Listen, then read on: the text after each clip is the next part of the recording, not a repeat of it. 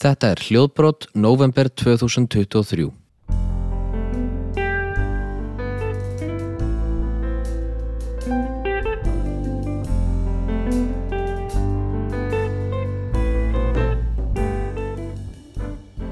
Já, komið sæl og velkomin í hljóðbrott.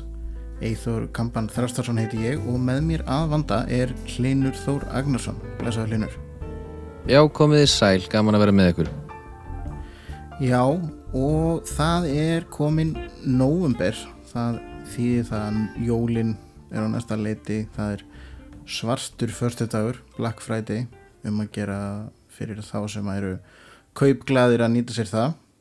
Já, það er eflust hægt að finna ímistæki og tól og alls konar sniðu til að finna á góðum kjörum fyrir þá sem hafa áhuga því. Náttúrulega ég verandi með mitt fyrirtæki þá er búið að vera tölvöld mikið að gera í aðdraganda allar þessara söguna. Ég verð bara búið að kátu þegar, þegar þessu líkur sko, persónlega. Tilbúin að renna inn í jólamánuðinu, vantalega samt. Þá líka mikið að gera. Já, en svona allt öðruvísi. Það eins og ég, það, þá er þetta svolítið mikil bara að vinna kannski aðeins í upphafi og svo fær þetta bara matla. Það, er, það eru allir að stressast í eigin málum, einhvern veginn svona í kringum jólaháttíðar. Þannig að svona í, í lók nógumbur byrjun desember þá er svona mesta törnin hjá mér búin og engir eru jólatónleikarnir í ár þannig að ég, og ég er búin með flest allar jólagjafir meira að segja þannig að þetta verður, verður kósi hjá okkur og selfósi held ég. Já, það er gott að heyra að þú sérð fram á, á róleg jól allavega svona vinnu svona vinnulega séð Já, það er alltaf planið, svo bara misjant hvernig það gengur upp. Já, við erum með mitt hérna að fara að keira inn í, í desember líka og svona ég núna loksins farin að, að hérna svona tengja við jólinn hérna úti. Fyrstu svona kannski tvö árin þá saknaði ég alls sem að sem sagt, gerist á Íslandi en nú er þetta svona farið að nú er ég farin að tengja við það sem að er jólalegt hér. Já, sem er til dæmis bara svona til dæmis bara líkt í loftinu að, að það er aðeins farið að kólna og allir farinir að, að kveikja í, í, í kaminum. Þannig að það er alltaf á kvöldin er svona, svona viðar, viðar brennslu líkt yfir, yfir mm. sem að það er nú líkt sem myndi vanalega að ringja ykkur viðvörnubjöldum svona algjörlega sko. En, en mér finnst hún allavega svona hún minnir mig á jólin svona hvort sem að hún er góð fyrir umhverfið eða ekki. En uh, í, í þessum þætti þá ætlum við að uh, vera með nokkur atrið við ætlum að vera með hann uh, Má Gunnarsson sem ætlar að koma með uh, smá einslag varðandi stefnumót og stefnumóta forrit sem er nú eitthvað sem að við tveir allavega held ég þurfum ekki að nota í, í, á þessum dímapunkti Nei og, og ég hef aldrei notað. Ég, ég var ekki einu sinni komin sko ég var ekki einu sinni byrjaður á Facebook þegar að hérna þegar ég byrjaði í því sambandi sem ég er í sko. Að þér var náð. Já þegar mér var náð eða ég náði eftir hvernig þú, hvernig þú lítur á það. Já. þannig að það kemur sér ekkit vel. Ekki einu sinni hef ég gert aðgengisúttektir á þessum öppum sko þannig að ég, ég kem alveg bara blöytur á bakveg eirun og, og hlakka mjög til að heyra einslæði frá má því að ég hef ekki heyrt það áður.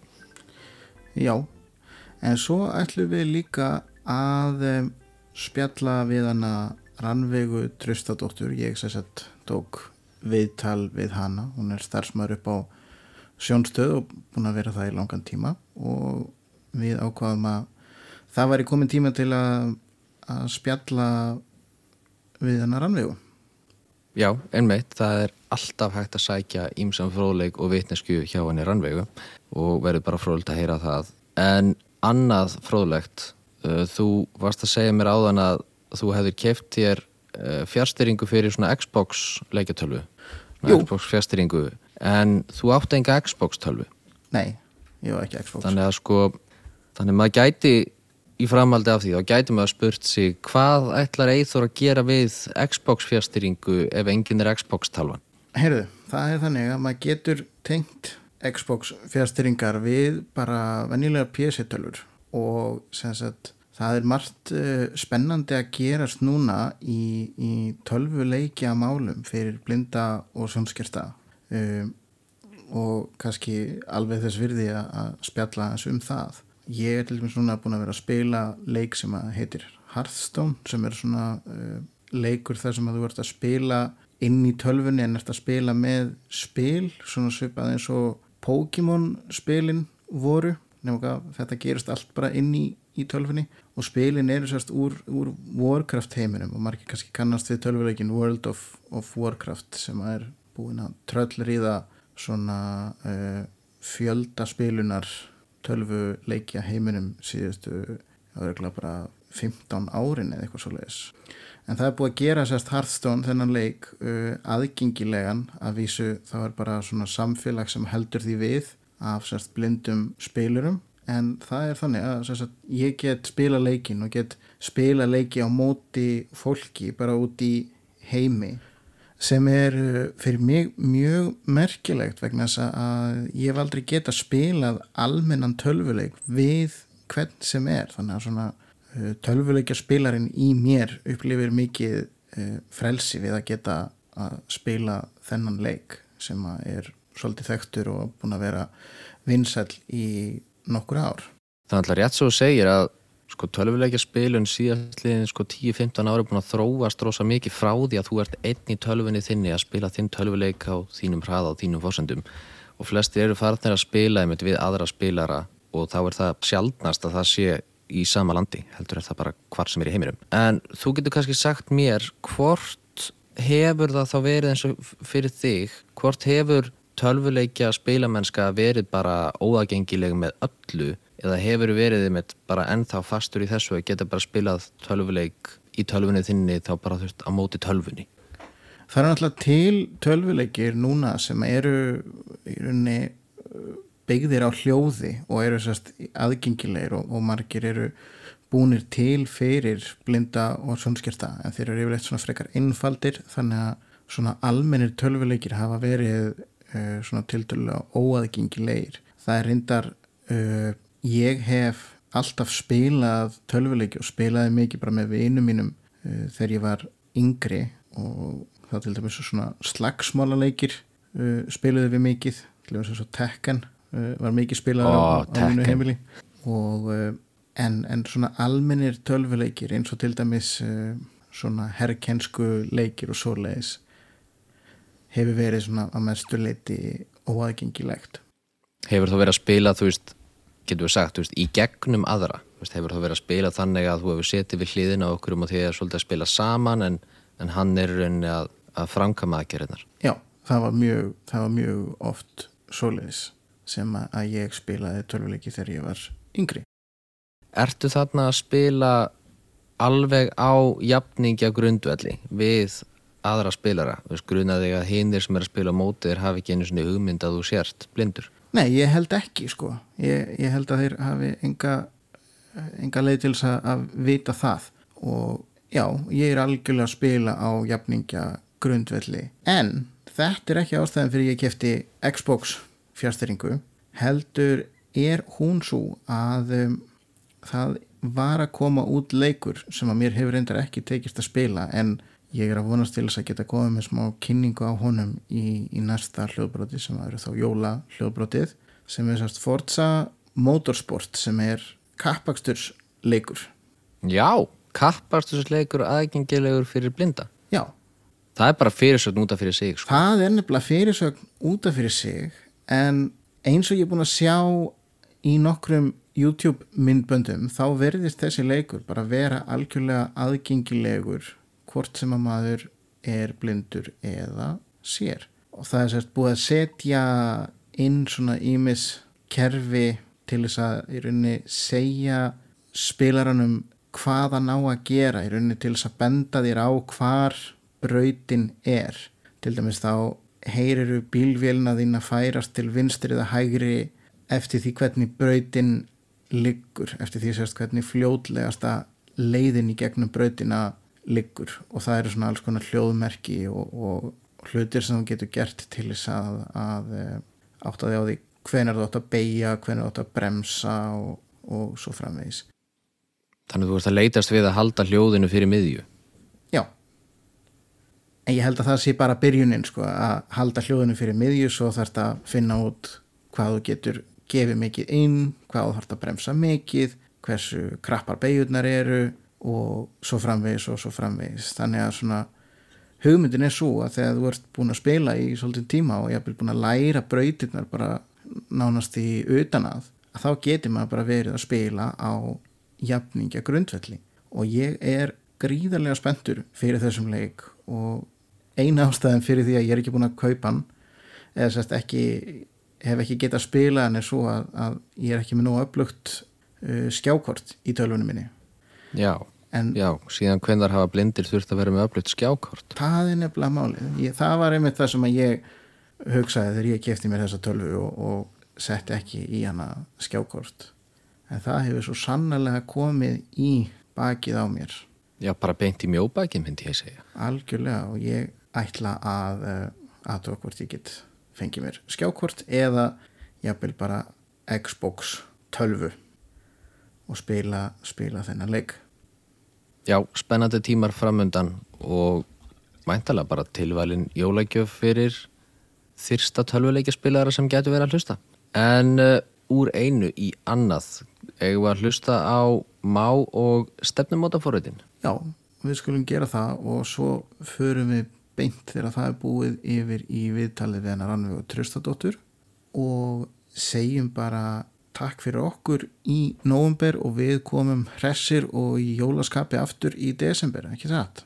Svo sannarlega, svo sannarlega. Takk fyrir að hlusta og njótiði vel, fariði vel með ykkur, fariði varalega. Við stöndum með Grindavík að sjálfsögðu og þangar til næst veriði sæl. verið sæl og við skulum heyra í Má Gunnarsinni og svo beint á eftir í Rannvegu Tröstadóttir bless bless Komiði sæl.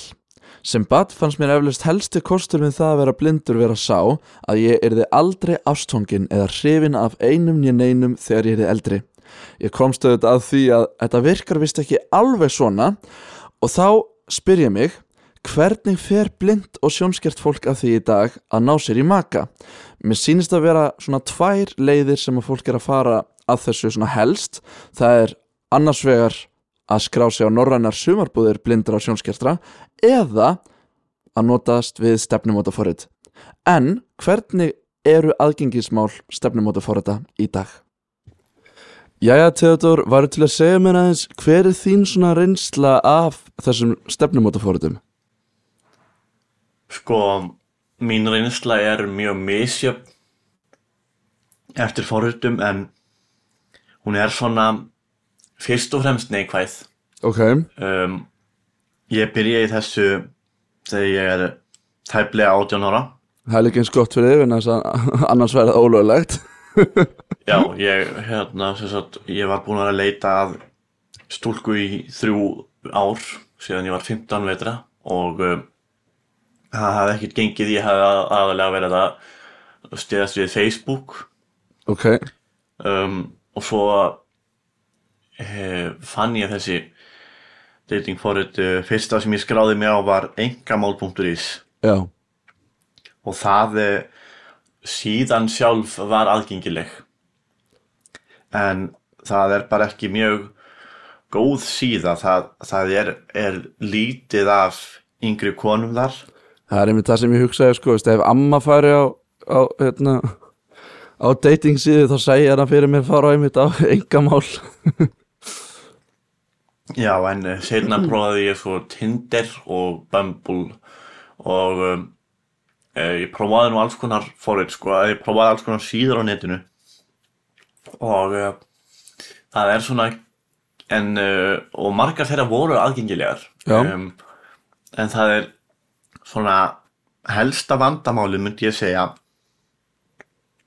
uh, við svona síður er að flestir vilja sjá myndir á manni eða allir. Og það er mjög erfitt sko um, að þá þarf maður eiginlega að fá einhvern sjáandi með í lið með sér.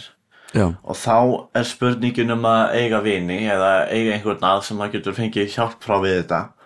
Me, með því að það var búa til aðgangin þinn með þér, meinar uh, nei, bara með því að taka myndir af mér.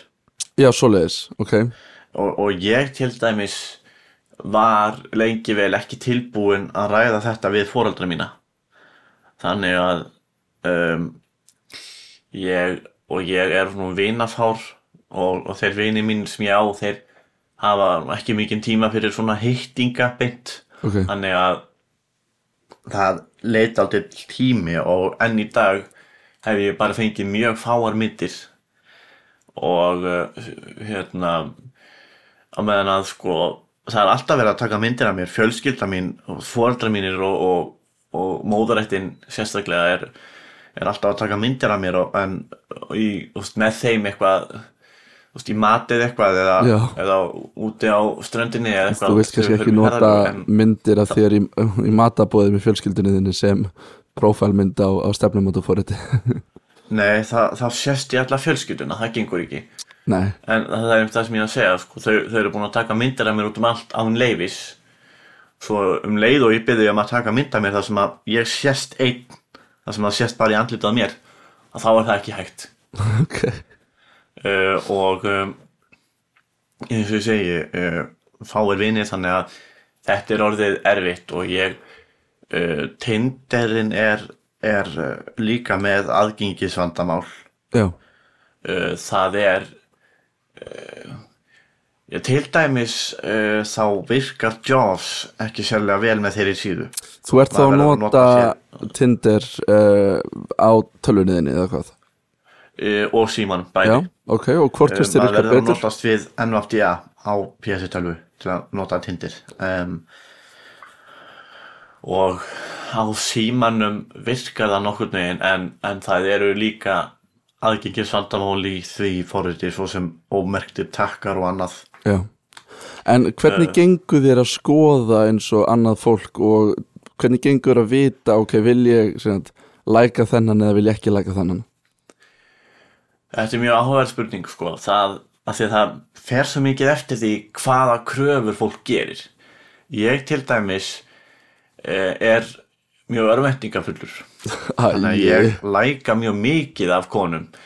Eh, en það er oft mjög erfitt að vita neitt um þetta fólk af því að um, sérst, mestu upplýsingarnar sem ég fæ fæ ég úr því að skoða upplýsingarnar, það er að segja bio og svo alls konar reyti sem er hægt að fylla inn í, í fóritinu myndir í rauninni segja mér ekki neitt. Nei, nei, og það eru margir sem að setja bara inn hellinga myndum af sér og skrifa ekki neitt.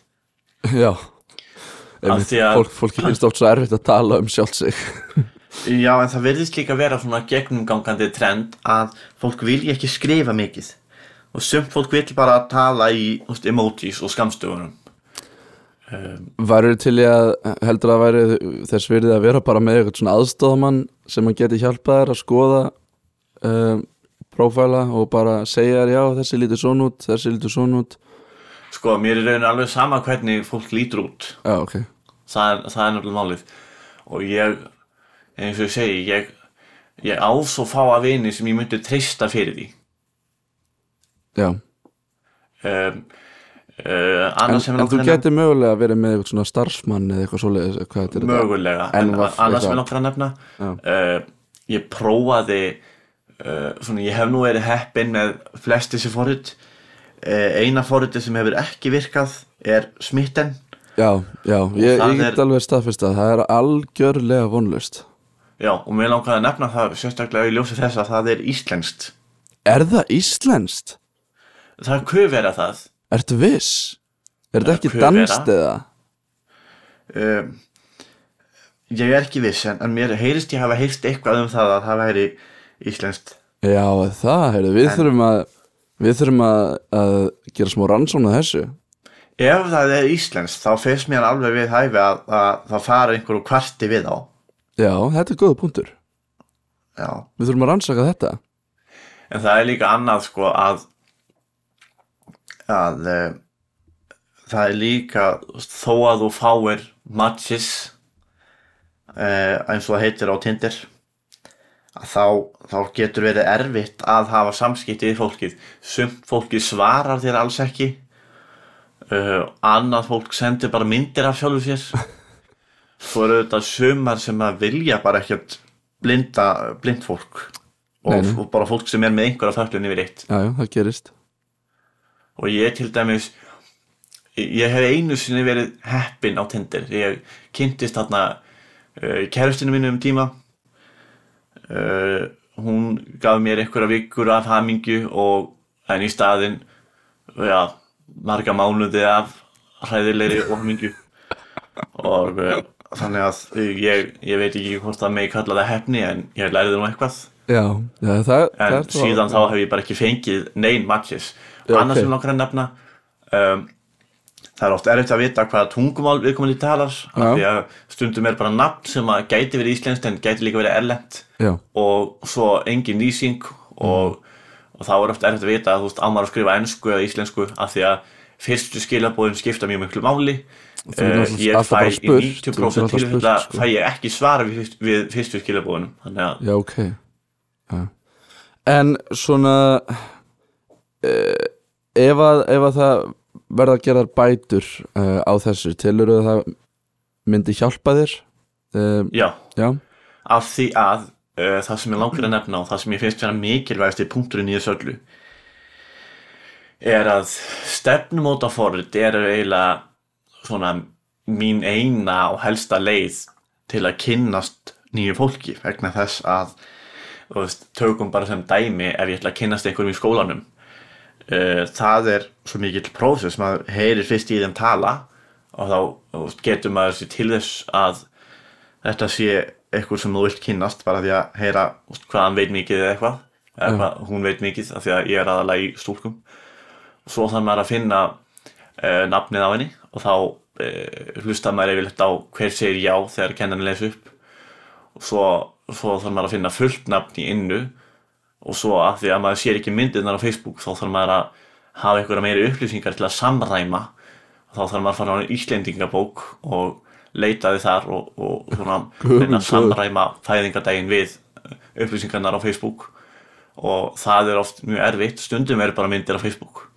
Það geti hjálpað þá að hafa aðstöðamann sem geti sagt, þú veist, ok, það eru góða líkur á þessi, þessi sé á þínum aldri. Og þá geti þetta verið svo, rétta eða svo sem þetta leitað um, að, hérna, sérst, svo sem að þú heyrðir í þarna í skólanum. Uh, og jafnvel þá og þá eru góða líkur á að henni finnst það bara óhugulegt að fá skilabóð frá þér af því að eins og í FB það sem ég er þar þar er náttúrulega áfangakerfi og nefndunir þekkja ekkert alltaf hver annan vel Mhm.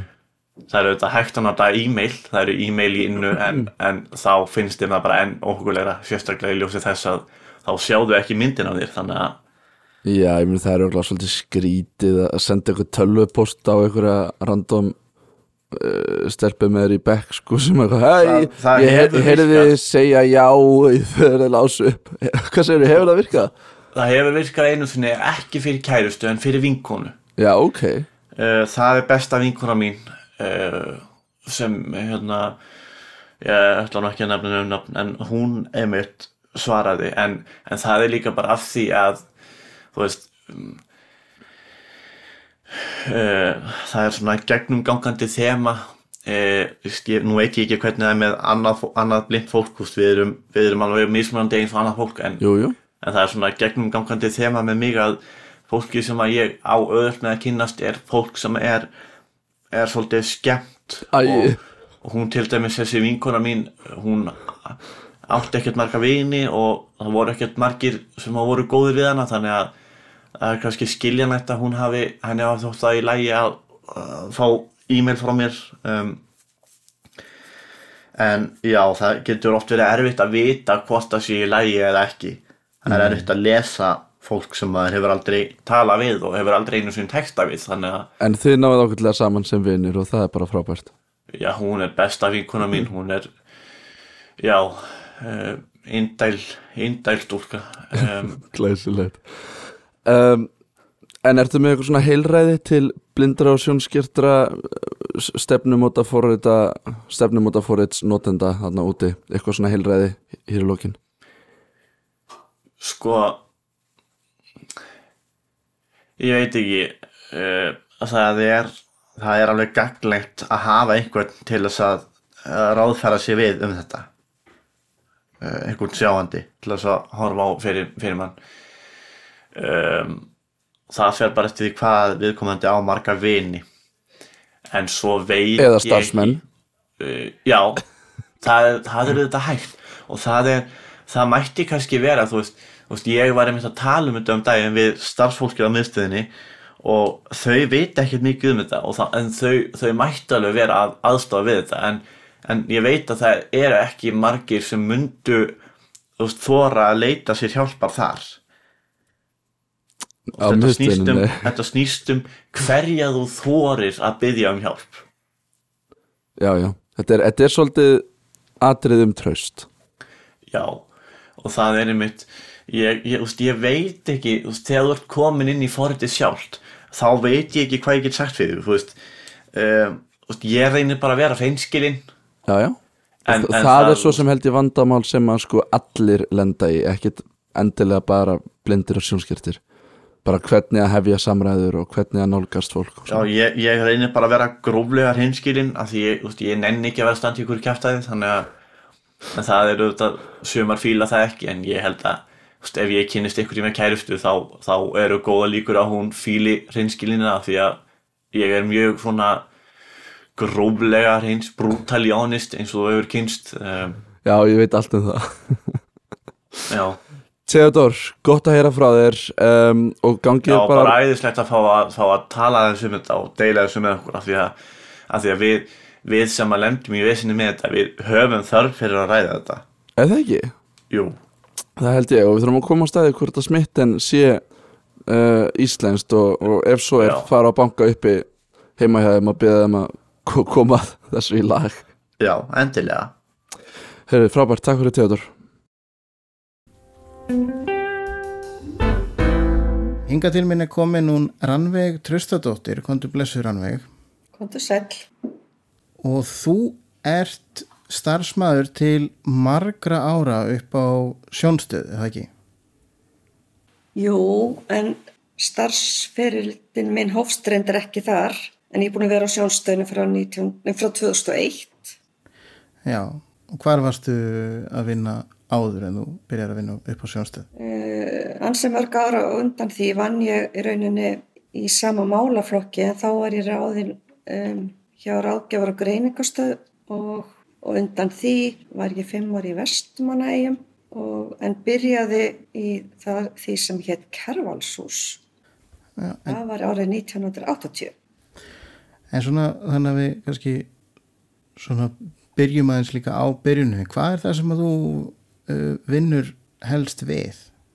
Sko mitt starf hefur verið tvíþætt, annars vegar þá er ég að vinna með, með áttun og umferðli fyrir alla aldursópa og svo hins vegar í það því sem við kallum sérkjönslur á gjöf og þá er það meira samstarf, stuðningur, fóreldra, leik og grunnskóla, framhaldsskóla og rauninni ymsa stopnanir aðrar þar sem blindir og sjónskertir dvelja.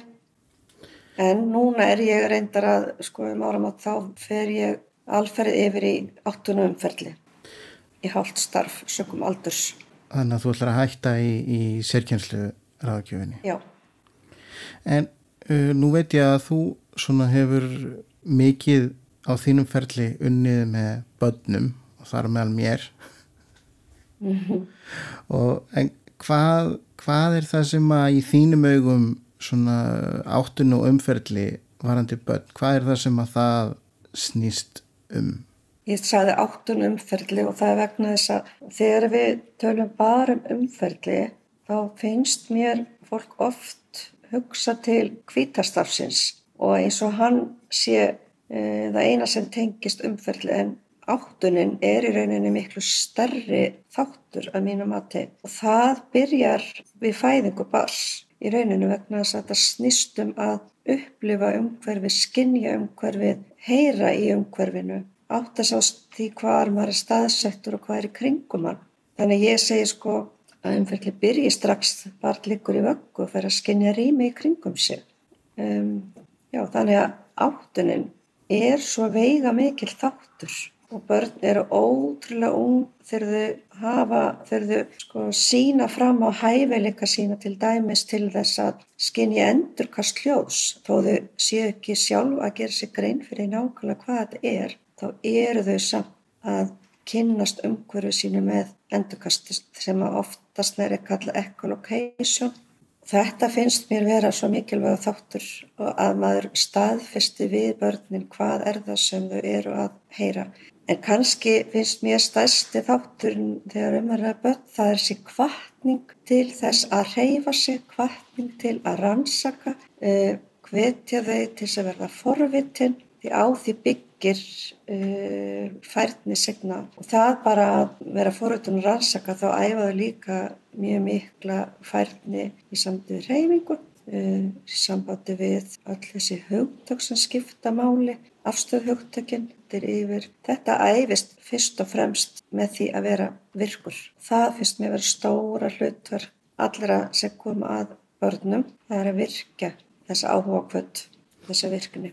Og svona, ef ég má eins forvittnast, hva, hvað er svona það fyrsta þegar við erum að tala um mjög lítil börn og ég þekki það bara sjálfur núna því að nú er ég komið með tvær stelpur sem að báðar sjá mjög vel bara eftir því sem við getum best uh, vitað. Uh, en hvað hvernig vinnum maður með það að örfa blind börn eða börn með litla sjón til þess að einmitt að vekja upp hjá þeim forvitni og, og þörfina til þess að, að kanna umhverfið sitt Sko ef maður hugsaður um að þú segir að þú er tvö börn sem að sjá þá er það sjónóritin sem að virkar, virkar sem kvati fyrir þau að vera fórhættina því þau horfa og fá löngu til að prófa og rannsaka. Og ef að barn nýtir ekki af einhverjum ástæðan sjónina til þess að uh, fá áhuga fyrir því sem er þannig kringum þau, þá snýst þetta um að koma með, hvað ég segja, koma með heiminn til þeirra eða að verða samferða þeim inn í þennan heim og þá er þetta náttúrulega alltaf spurningum að maður sé sjálfur sem fóreldri, leikfélagi, afi, amma eða hver það nú er að maður eigi ákveð frumkvæði og komi og gefi barni tíma. Það er mjög mikilvægt að gefa barni tíma til að rannsaka, ekki slengja einhver upp í fangið á þeim eða toga þau eitthvað heldur. Ok, hér er ég. Nei, vá, nú er ég með daldi fallegan bolta, mér langar að sína þér. Og svo förum við saman, ég kalla þetta samíla aðtikli, þá er ég samferða barninu inn í þennan heim að vilja rannsaka hann bolta. Og það, þú veist, maður þarf að vera kvetjandi og, en gefa upplýsingur og maður getur líka að hugsa svolítið um hvaða aðferði nota maður til þess að vekja til í stað fyrir að toga í hendi á barni þá tala ég um eitt sem ég finnst svo fallegt og það er hönd yfir hönd að ég legg mína hendi undir hendi bassis og við erum samferða að þessu viðfórsefni. Þetta er bara svona, ég bara tala núna um ákveð svona ferli, ekki sagt, þetta er svona ákveð ferill eða skilgrinning á því hvernig maður getur vakið foröldi bass og maður verður alltaf að vera þáttakandi. Þetta gerist í rauninni ekkit endilega alveg að sjálfu sér. Hins vegar eru enginn tvö börn eins og mér finnst alltaf mjög leitt þegar að vera að tala um að blindbörn séu svona eða hins einn. Við tölum til dæmis ekki um að sjáandi börn séu svona eða hins einn. Innan hóps blindra barna eru alls konar börn með alls konar persónu enginni og ég hef alveg upplifað það á þessum 40 ára ferli mínum að það er enginn til eins og ég er ekkert endilega sko, vissum að ég sé að nota sömu leið til að nálgast og auka og hveitja þau til þess að vera forvitið. En börn eru börn og börn hugsa eins og börn. Þau, með, þau hugsa fyrst og fremst svona af einhverju tilfinningasemi en ekki endilega skinnsemi og maður verður að nota, sko finna leikilinn að þeim og ég nota alltaf leik og leikur er eitthvað sem að, er, það er leikur ef það er skemmtilegt og fá geta nálgast börnin gegnum leik og söng og eitthvað svona, það verður oft svo miklu meira úr því í staði fyrir að fara þraungvæm inn í einhver aðstæður. Ég kall aldrei, ég tala aldrei um þjálfun, ég sé að þjálfa einhverja færni, við erum fyrstarst barnir að æfa einhverja færni og ég er að gefa barninu tækjafæri og það er ég sem get gefa barninu tækjafæri eða, eða fóraldrar. leiftum að klifra upp í sófan. Við erum ekki alltaf hrættum að eitthvað gerist. Ég er ekki svo á það að fólk heldur bara blindbart með ekkert gera af því að fólk er svo hrætt við eitthvað gerist. Hvernig ámar að læra ef maður fær ekki tækifæri og ég man alltaf eftir foreldrum sem að glöndust þvílitt yfir því einn daginn hvað barni grút skýt og teim. Það hefði aldrei komið skýt og teim af því það var alltaf verið að passa ekkert gerðist, ekkert kemur fyrir. Já, ég tengi mjög, mjög mikið við það sem að þú vart að segja hérna til dæmis það að börnin hugsa að tilfinningu, tilfinningasemi frekar heldur en skinnsemi. Mín eldri dóttir mín er, er tveggjára og við erum að vinna einmitt með, með að pissa og kúka í, í koppin og Já. það er mitt þarf, þarf svona mjög mikið einhvern veginn að er að gera það gaman. Það er ekki nóg að segja nú ætlum að gera þetta. Og það þarf að vera einhvern veginn svolítið sko, herðu, við ætlum að fara, við ætlum að fara að gera þetta við ætlum að fara að pissa í koppin og einhvern veginn og svona, svona hæpa það upp og þá fennst henni það skemmtilegt sko. Já, það er akkurat þetta að hæpa upp þó ég sé nú ekki klint að nota ennsku það er nákvæmlega það sem maður þarf að gera. Þetta er pínu svona leikrið og börn það hefur oft verið teiknar upp svona ringur ef þú skiptir ringnum í tvenn þá eru tilfinningar öðrum einn og skinnsemi hinum einn og við sem erum fullar því fólk við náum að láta þetta svona flæða. Þú veist við notum skinnsemina en erum stundum að fara aðeins yfir línuna með tilfinningarnar en svo náum við jafnvægi. Börnin þessi ringur er fullur af tilfinningum. Og þetta sem hún talar um að fara inn á klóset og pissa, þú veist, auðvitað nota maður eitthvað triks, maður er alltaf að nota eitthvað triks, nú ætla ég að vera fyrst. Nei, nei, nei, nei, ég ætla að vera undar. Æði, maður notar og börn sem ekki sjá þau eru ekki öðru vísi hendur börn sem sjá, þau eru fyrst og næst börn. Og ég verð að segja þér eitt sem ég get aldrei gleymt, það var sænskur prófessor sem að rannsakaði mjög mikið leik og samskipt til blindra og sjáandi. Og hann var svo upptikinn að því að þau fengið tækifæri og það, það væri náttúrulega best og þau væri tvö saman að leika eins og þá hefur það barn sem ekki nýttir sjón það hefur miklu betri yfirsýn og miklu betri stjórn og aðstæðan og hann sagði við okkur því að verða að muna það að við erum fyrst og ræst að tala um börn. Og hann sagði gleymum að barnið er blind en munum að barnið er blind. Hvað þýðir þetta? Byrjum á því að horfa á karakter eða persónuenginni bassins, horfum á barni hvernig, það er engin tvö börn eins, Þín, þína dættur eru örgulega mjög ólíkvar. Byrjum á því að hugsa það og þá getur við örgulega fundið leiðina og aðlagað. En mist allt og oft byrja að horfa á föllur og fólk hefur verið á innsóin og sagt, guð mig góður, ég hef aldrei unni með blindu barni áður. Og þá segi ég, hafið þið unni með börnum? Já, í 30 ár. já, já, Einmitt. einmitt. Og ég á svo erfitt með þetta enn þann dag í dag þegar ég er í samskipti við fólk að mér finnst með bara, þú veist, þeir gefa bönnunum ekki tækifæri. Og þá ger, ef að barn er ekki nóg öflugt og ekki með sjötta skilíka veit eins og ég saði stundum um þig. Þú veist, ef þau er ekki forvitin, ef þau hafa ekki sko þessa þörf, finna hann ekki, að þá gerist svo lítið ef þau fá ekki tækifæri. En það er einmitt sko það er líka þetta með tækifæri ég held þetta eigi við um í rauninni bara öll börn.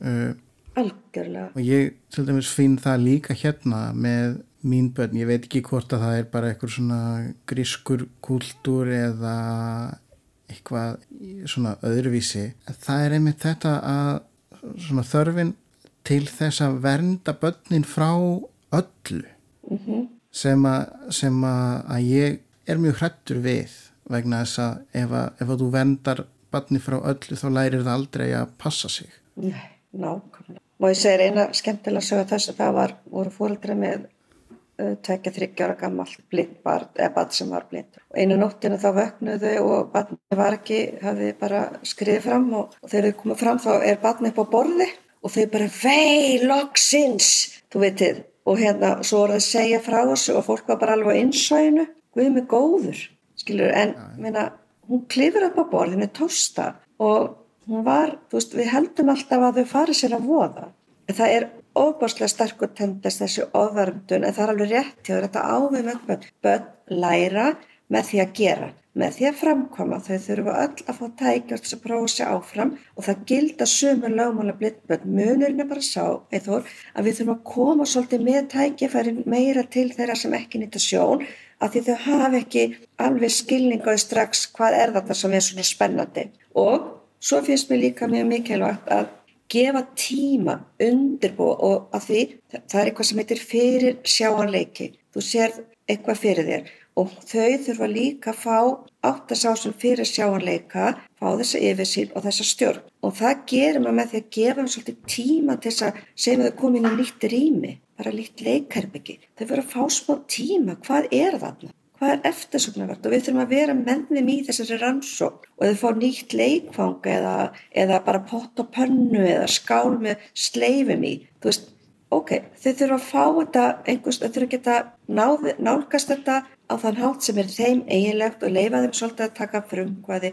Við erum alltaf að flýta okkur svo mikið og bara gerum fyrir þau. Allt í henni bara er allt í henni einhver skál með sleif í staðið fyrir að þau sóttu skálina og sleifin og fóru að finna út hvað getur við gert með þetta þegar þú ert að segja þetta þá, þá minnist ég þess að þú sært maður við mig sem ég oft hugsað um, um síðan að, að, að sjáandi fólk eða sjáandi börn upplifa heimin oft mm. fyrst stóru myndina og, og summa svo eða svona, draga síðan að smáadriðin á meðan að við sem að sjáum ekki þurfum að, að, að kanna fyrst í rauninni smáadriðin og búa til stórumyndina úr þeim. Já, já. og ég held að það sé svolítið mikið til í þessu en það er nákvæmlega það sem við vorum að segja að fái tækjafæri til þess að kynast þessum spáatriðum. Og þá getur það betur stakkað. Að því að mér finnst sko þannig erum við að tala um rannsókn á hlutum og öllu mögulegu. Svo er annað sem að mér finnst líka mjög mikilvægt og ég veit að þú kannski hérna, tengir það er þegar við erum að tala börnin í kaf. Og það sem ég meina með því við komum inn og setjumst að gól og það er eitthvað fyrir framann okkur og við byrjum að útskýra og sjóntúlka allt sem er í staðan fyrir að barni eða einstaklega fá bara sjálfur að þess að kanna þetta að því. Og ef við erum alltaf að útskýra um leið og barn er eitthvað að skoða þá erum við að taka frá barninu tækifæri til þess að rannsaka á sínu fórsöndum og ég tek stundu dæma því þegar ég er inn í, segjum bara bara eitthvað í eldhúsi eða í, í handavinnunum minn og ég þarf að einbytta mér mjög vel að því ég er að finna út einhverju, finna út einhverju og þá kemur einhver og vil tala um og ég segi býta aðeins. Og akkur segi býta aðeins. Og því ég er upptekinn og mér finnst við þurfum að passa okkur svolítið að drekja bönnum ekki í einhverjum sjóntúlkunum og, og upplýsingum og bara eitt annar dæmi sem að ég held að ég hafi einhvern tíma verið labbandi með þér eftir hamralhiðinni. Ég man ekki hvort það var þú einhver annar en ég man bara þetta var á mínum yngri árum sko þegar ég var ekki alveg svona þroskuð eins og ég er í það en þá var, var ég útskýra allt. Hérna er löglu, hérna er, grindverk, hér er þetta og hér er heitt og ég man að þú eða einhver annar sagði Ranveig, veistu það, ég þarf ekki að vita þetta allt. Ég meit. en þetta er sko þessi gullni meðalvör, hvar er hann? Já, já, það er held ég og það sennilega er bara mjög mísmunandi eftir því hverjum þú ert með. En hvað ykkur ekki samt á þessu að maður getur drekt einhverjum í upplýsingum? Jú, algjörlega. Ég held að það gildi líka bönnin, þetta er bara að meta aðstæður og þetta er dæmis þegar ég er að rölda með börnum og við erum að umferðlast eins og ég segi og Ég, mjög gertna með veist, einhverjum starfsmunum eða fóröldunum þá tekir þetta því að menn eru alltaf já, nú, nú, er koma, nú að koma tröppur og, og nú, nú er að koma bekkur og, og nú kemur kantur og eitthvað svona. Og með, í staðin fyrir að láta barni friði leifa það er með stafinn sinn það mun finna kantinn, það mun finna tröppurnar og með því að barni finnur þetta sjálf þá læri það miklu betur á já. þessi kennileitin við þurfum ekki að vera alltaf í þessu stöðuga spjalli Já, ég, ég mjög saman á því. Ég held að það og ég maður bara þegar ég lærði það þegar ég fór út í mitt umferðlisnám að, að ég er að treysta stafnum Já. í umferðli. Eitthvað tíman var ég að fara yfir götu og, og leiðbeinandi minn kennari minn var fyrir aftan og sagði ekki hæja svona ég, akkur ekki, það, veist ég er að koma að endan og finna, og hún segi við mig stafurðin mun finna kantinn, þú þarft ekki að hæja á þér. Mm. og ég held að það sé mjög mikilvægur þáttur í, í umhverf, umferli og bara svona skinjun á umhverfinu að læra að treysta því sem að maður skinjar hvort sem að það er uh, stafurinn eða eitthvað sem maður heiðrir eða lykt sem maður finnur eða vindur sem kemur úr einhverju átt. Eða allt þetta saman jafnvel En þá verður fólk líka að fá tækifæri til, þá má ekki samferðamadurinn alltaf vera að grípa fram í. akkurat. Ég fór einn svona eina ferð í gær og það var rók og við fórum eitt rúnd, ég og einn ein einstaklingur og þetta var svo æðislegt, bara mm, finna, finna rókið og hvað hljóðin voru öðruvísi og svo var þessi einstaklingur að fara á hvern svona ring, þetta var gönguferð svona til heilsubótar og það voru starfsmenn með mér sem þekktu náttúrulega einstaklingin miklu betur en ég en þeim fannst svo merkild bara að horfa á þú veist, að ég braut upp þessa leið, stoppaði við vorum að hlusta á hús að því það var svo stert endurkast við vorum að hlusta á vindin hlustuðum á bekkinu, ruslatunum ljósastöru, strætóskilu og allt þetta og bara allt innan var gönguferðin var svo miklu skemmtilegri. Já, já, hún var svo miklu skemmtilegt, það var svo mikil upplifun, miklu meira sjálfstæði, frumkvæði, en það er akkurat þetta, það er svo, og þú veist, hún auðvitað treyst úr stafnum sínum og því hraðar sem að maður gengur því með lengri og stafurinn gerðan vera því þá finnur hann líka bara fyrr. já, einmitt En þetta fer alltaf eftir, nú er ég að tala um einstakli sem er kannski ekki endilega að tjá sig svo mikið sjálfur þannig að þetta verður alltaf að vega og meta. Þetta er ekkit eins með alla. Við erum alltaf að byrja á byrjunarreik og bara gerum áallin með viðkomandi einstaklingi. já en ég ætla að spyrja, þú ert eiginlega búin að svara hvað ertu búin að vinna lengi með Já. myndum og sjónskertum Sko ég var eiginlega að halda upp á sko 40 ára starfsamæli í þessum geira í rauninni. Og 25 ára er búin að vera að vinna sko sjónstæðinni og þetta byrjaði allt þannig, ég útskrifast eða vilt vita það, það byrjaði ég, sko ég útskrifast sem leikskólakennari 1980 og strax þegar ég er að ljúka námi þá langaði mig strax þess að halda áfram, ég langaði í eitthvað sem tengdist e, sérkislufræði á einhverju tægi og það hafði, sko, var þannig að það voru mjög margir sem fór til Norex, margir íslenskir kennarar í sérkennaraháskólan, það var svona okkur samningur á milli Íslands og Norex og við höfðum greiðan aðganga þessum skóla. Og akkurat á þessum tíma þá höfðu fæðst uh, í mína fjölskyldu tvær stúlkur og sem var báðar uh, voru með sko sjónskeringu og eiginlega kveiktu þær svolítið í mér og, og hérna þannig eiginlega tók ég ákvörðun um að fara í sérkjustlefræði með áherslu á kjærslu blindur og sjónskastar. Það var rauninni kveikjan. Svo fór ég til Norex en áður ég gerði það þá var ég að vinna bæði sem leikskólakennari og svo inn á þessu svo kalla kjarvalsúsa sem er í rauninni undanfari að ráðgjöfara greiningastöðringisins. Hva, hvað var gert þar? Já, hva, hvað er ég gerð þar? Já, Þar var, sko, þar voru, þar voru börn með alls konar fallanir og meðal annars blindu og ég fekk þar að kynnast svolítið starfi með blindum strax á þessu fyrsta ári. Og svo vann ég eitt ár í leikskóla í Nóri og þar var ég að vinna í leikskóla, bara vennilega leikskóla, þar var einn nefandi blind stúlka. Þannig ég fekk bæði áðureldri fór og, og, og, hérna, og eftir strax eftir þá fekk ég líka að vinna í því landi þar sem ég hafði mentað mig. Og þá fengu, fekk ég bref frá, hérna þegar ég var að fara að koma heim aftur, þá fekk ég bref frá Vestmanni þar sem ég var spurð hvort ég hefði áhuga á að koma þangað og, hérna ég geti fengið starf og, húsnaði fyrir svona ekki alltaf mikla peninga.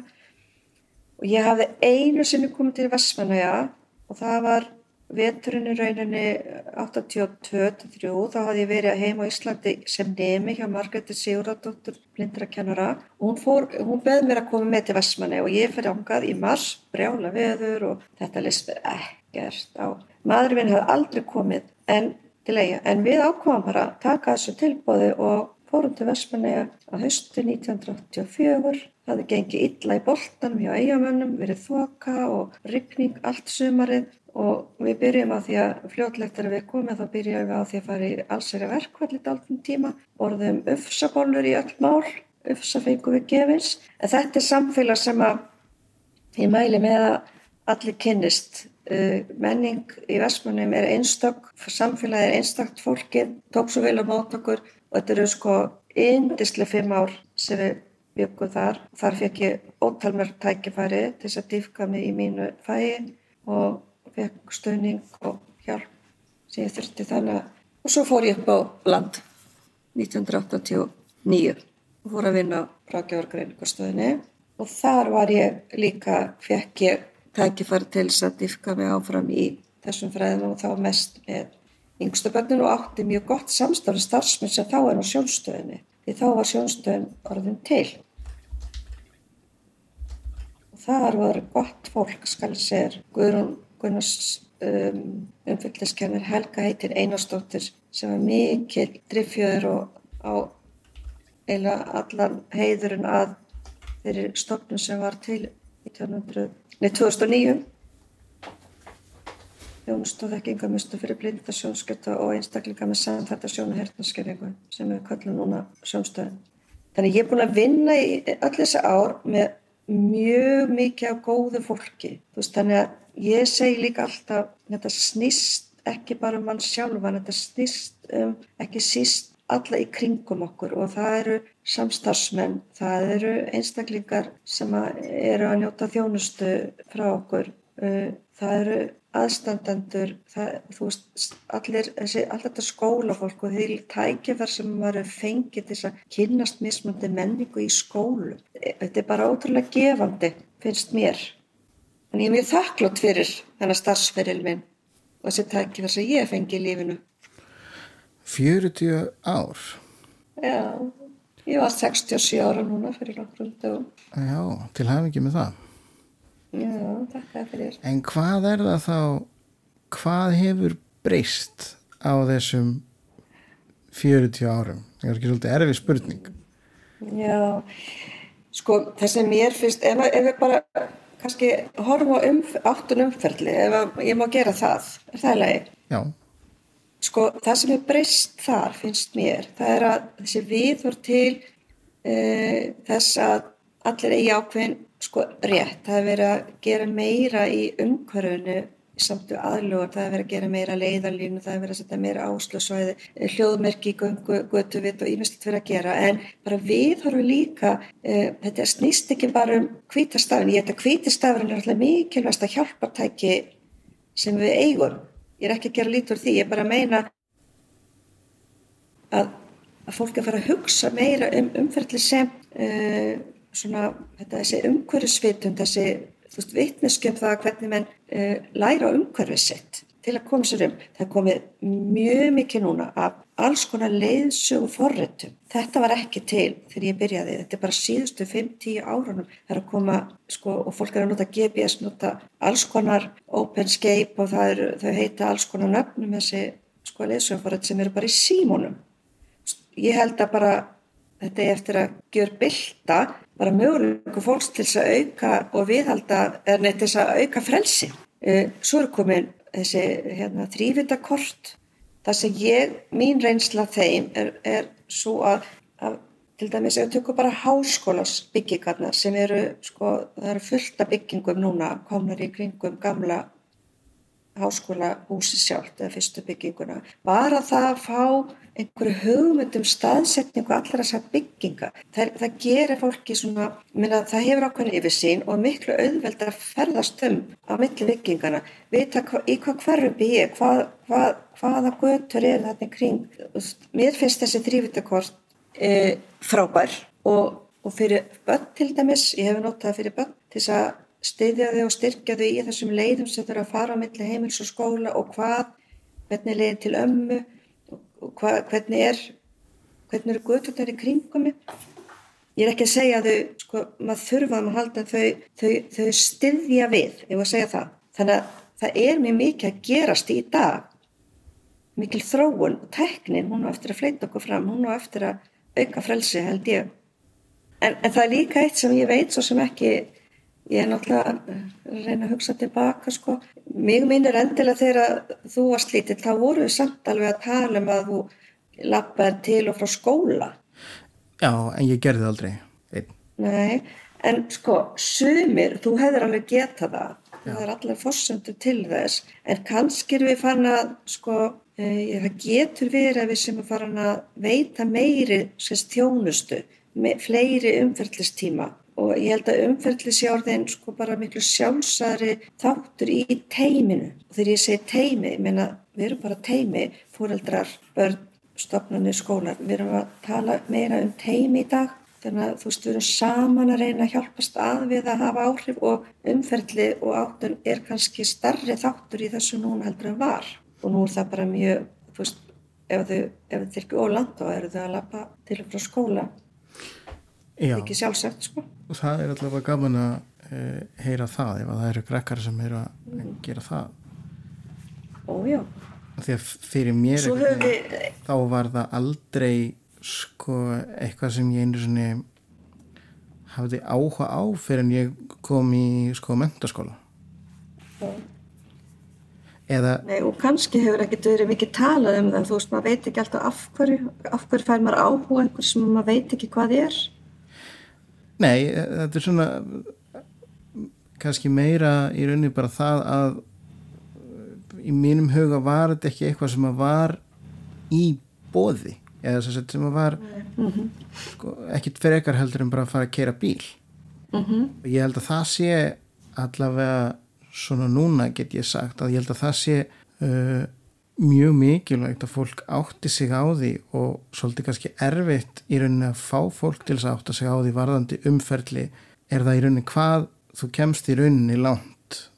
Ég held að sé ekki margir sem að, sem að trúi því uh, virkilega að þú getur orðið sem blindur einstaklingur að þú getur orðið jafn fær og sjáandi aðila að ferðast í umhverfinu En það er nú, sko, mitt eftir þegar þú segir þetta að uh, ég man eftir einu, einum nefnda sem var bara komin í eitthvað 7. 8. 9. bekk og, og hérna, ég fekk leiði til þess að hafði fengið leiði til þess að taka upp á myndband leið sem við kondi nefndi fár fór frá heimil til skóla og svo er einhvern tíman inn á sjóstu sko að sína þetta og þá bara, vá, hvernig duglegur þessi nefandi og þá var ég pínu svona snögg, hvað meinar þau? Ég, ég bara, bara duglegur að komast bara, geta bara gengið í skólan, já, en er með, þessi til með fætur. Já, æ, sko við erum að tala mikið um, við, við reiknum ekki með að eins og segir að sko fólk geti verið í staði jafnvættis. Og það dregur hlýtur að draga úr þeim viljan til að vera sjálfstæður þegar, þegar einstaklingar sem eru blindir fá stöðu þessi skilabóð að, að þessi svo duglegir fyrir eitthvað sem er bara eðlegt að aðri geri. Já, ég algjörlega held að það sé rétt og dregur úr, úr kröfunum sem að umhverfið gerir Já, eða væntingum, já. Mm. En ég er búin að eiga þess að vera við krakka í gegnum árun og hérna og mér finnst þetta bara að því að þegar maður fyrir að ræða þetta við þau sjálf þá sjáðu þetta alveg, ég meina það var eitt sem sagði mér, sko það var í fyrta bekk held sem ég sagði krakkar í fyrsta öðru bekk, þau eru löngu farin að bara fara sjálf þú veist, fram á klósett og út, þau þurfi ekki alltaf að leika sig. Já, akkurat. En þau pæla alveg í þessu ef maður opnar á þetta. En þau þurfa líka að fá einhvern sem að stiður þá í þessu að, og maður þarf bara stundum virkilega hérna að sko, stoppa fólk af sem ætla bara allt að grípa fram í og aðstóða ég er oft bara að vera bara með svona kvartningar orð til þeirra. Veist, það, það þarf enginn að vera ókvört eins og því megi alveg benda fólki á þetta sé bara allt í góðu. Já, en þá held ég allavega að svona það sem að ég var búin að hugsa sé svona nokkurn veginn sem búin að tækla það en er eitthvað sem að þú vilt segja kannski að lokum? Já, ég, já, mér, ég er alltaf að segja einhverja sögur. Það er að því ég er búin að vinna svo lengi, þá kann ég svo mörgum sögur. það var eins og hérna blindstelpa sem var orðin eitthvað 16, 15, 16 ára og hún fór með mér inn í grunnskóla. Við vorum að gera hérna verkefni, svona þreyfibókaverkefni uh, með grunnskóla í Kópú og voru krakkar þar sem voru aðstofa okkur og búa til og semja sögur. Og þetta var rosalega skemmtilegt. Og svo var hún að lesa fyrir þau og bara sína hvernig maður lesi punktilettur og svona spjalla við og þau segja allt eins segir einn, heyrðu, ég hef nú séð því í gerplu. Já, það passar, hún hafi verið í gerplu. En hvernig getur þú eftir fimmleika? og þá sagði hann, ég það vill svo til ég hef bæði hendur og fætur. Já, akkurat. Það er góða lokkord Já, ég held að þetta sé bara fín loka orð bara Rannveig, mm. þakka þér kærlega fyrir að hafa fundið tíma fyrir okkur í hljóðbroti. Takk fyrir að bjóða mér. Það var litið. Til hafmyggju með amalið enn og ástur Já